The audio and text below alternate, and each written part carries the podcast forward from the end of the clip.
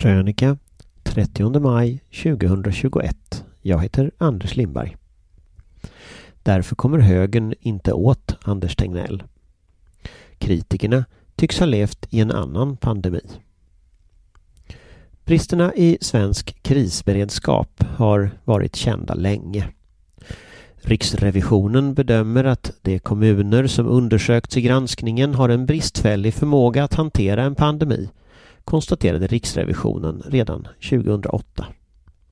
Av enkätsvaren framkommer att inget landsting gör någon planering för kommunernas behov, skrev Läkemedelsutredningen 2013.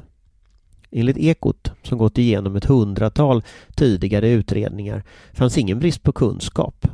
Ändå agerade varken denna regering eller det tidigare.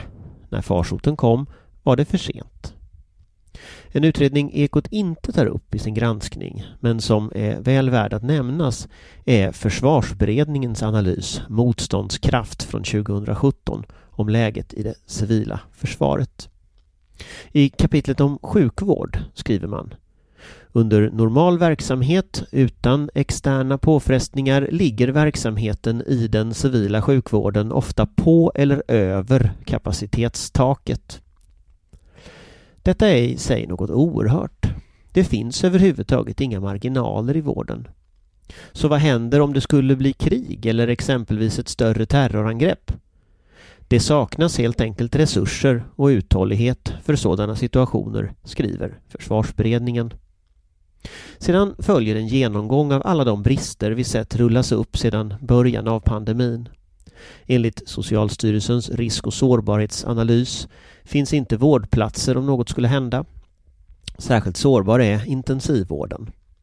Sverige är alltför importberoende när det kommer till läkemedel. Apoteken har slimmade organisationer och ingen vet om regionerna håller några beredskapslager för medicin och skyddsutrustning och så vidare. Det är självklart lätt att vara efterklok.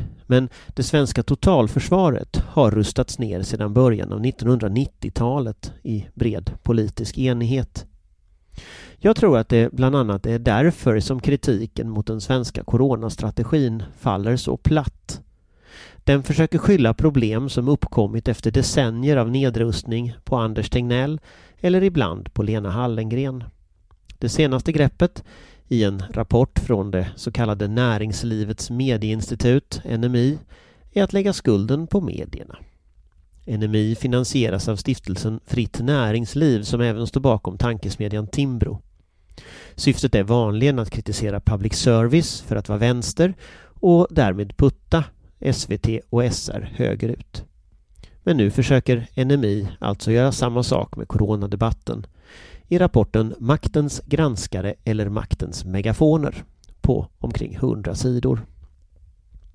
Projektet är ambitiöst. Man har anlitat journalisterna Lisa Bjurvald och Axel Andén och intervjuat olika mediala aktörer. Man har även räknat pressklipp för vad man kallar expertfyrklöven Tegnell, Frans, Giesecke och Vold. Men redan efter några sidor blir det smärtsamt tydligt att NMIs bubbla har så hårda väggar att det känns som att de upplevt en annan pandemi. Att läsa maktens granskare eller maktens megafoner är som att dyka rakt in i det sociala medielandskapet kring Vetenskapsforum Covid-19 eller Media Watchdog Sweden, MEVAS, eller de 22 forskarna. Det är en parallell värld där det som inte ställer upp på kritiken av myndigheterna och Anders Tegnell är megafoner och har drabbats av en slags blockering när nyheterna plötsligt handlade om liv och död. Journalister som inte håller med kritiken lider av grupptänkande, är bekväma och sviker mångfaldsprincipen. Det sista verkar vara kod för att kritikerna av den svenska strategin inte skulle ha fått utrymme i media. Detta är helt enkelt inte sant. Motståndarna till Sveriges strategi och särskilt de som vill ha någon form av lockdown har under långa perioder dominerat i nyhetsflödet. Kritikerna är idag hushållsnamn.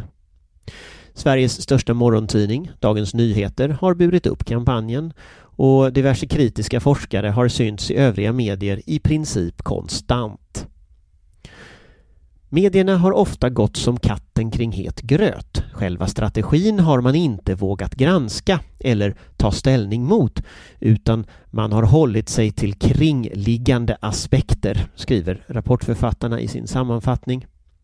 Här blir den parallella verkligheten som tydligast. Aftonbladets ledarsida, liksom i princip alla andra ledarsidor, har sedan mars 2020 kontinuerligt debatterat coronastrategin. Alla större tidningar har skrivit spaltkilometer med granskningar, analyser och intervjuer om ämnet som under lång tid även dominerat helt i SVT och SR. Har denna opinionsjournalistik och journalistik alltså inte ägt rum? Jag gnuggar mig i ögonen. Att det debattören Näringslivets medieinstitut hejar på har förlorat diskussionen är inte samma sak som att de varit frånvarande eller blivit orättvist behandlade. För i grunden är det nog där skon klämmer. Det blev ingen lockdown. Och när detta snart är över tror jag de allra flesta kommer att vara glada över att skolor inte stängdes och att våra fri och rättigheter inte beskars ännu mer. Problemet med kritikerbubblan mot Tegnell är att den tar fokus från vad som verkligen behöver diskuteras i den svenska strategin. Det som försvarsberedningen och andra så länge pekat på. Varför tillåter vi vår beredskap att vara så undermålig? Och vad är politikernas plan för en ordentlig upprustning av det civila försvaret till nästa gång? För de gamla utredningar Ekot rapporterade om i veckan varnar inte bara för pandemier. Denna gång stod sjukvården i första linjen, men läget är ungefär lika dåligt i hela totalförsvaret. Nästa gång är det något annat. De olika delarna hänger nämligen ihop. Staten, regionerna, Försvarsmakten, näringslivet och det civila samhället är som kugghjul i en maskin. I en kris kan det bara snurra effektivt tillsammans. Jag vet att jag kanske sticker ut hakan. Men det skulle inte förvåna mig om Anders Tegnell är glömd när valrörelsen väl börjar. För detta handlade aldrig om honom.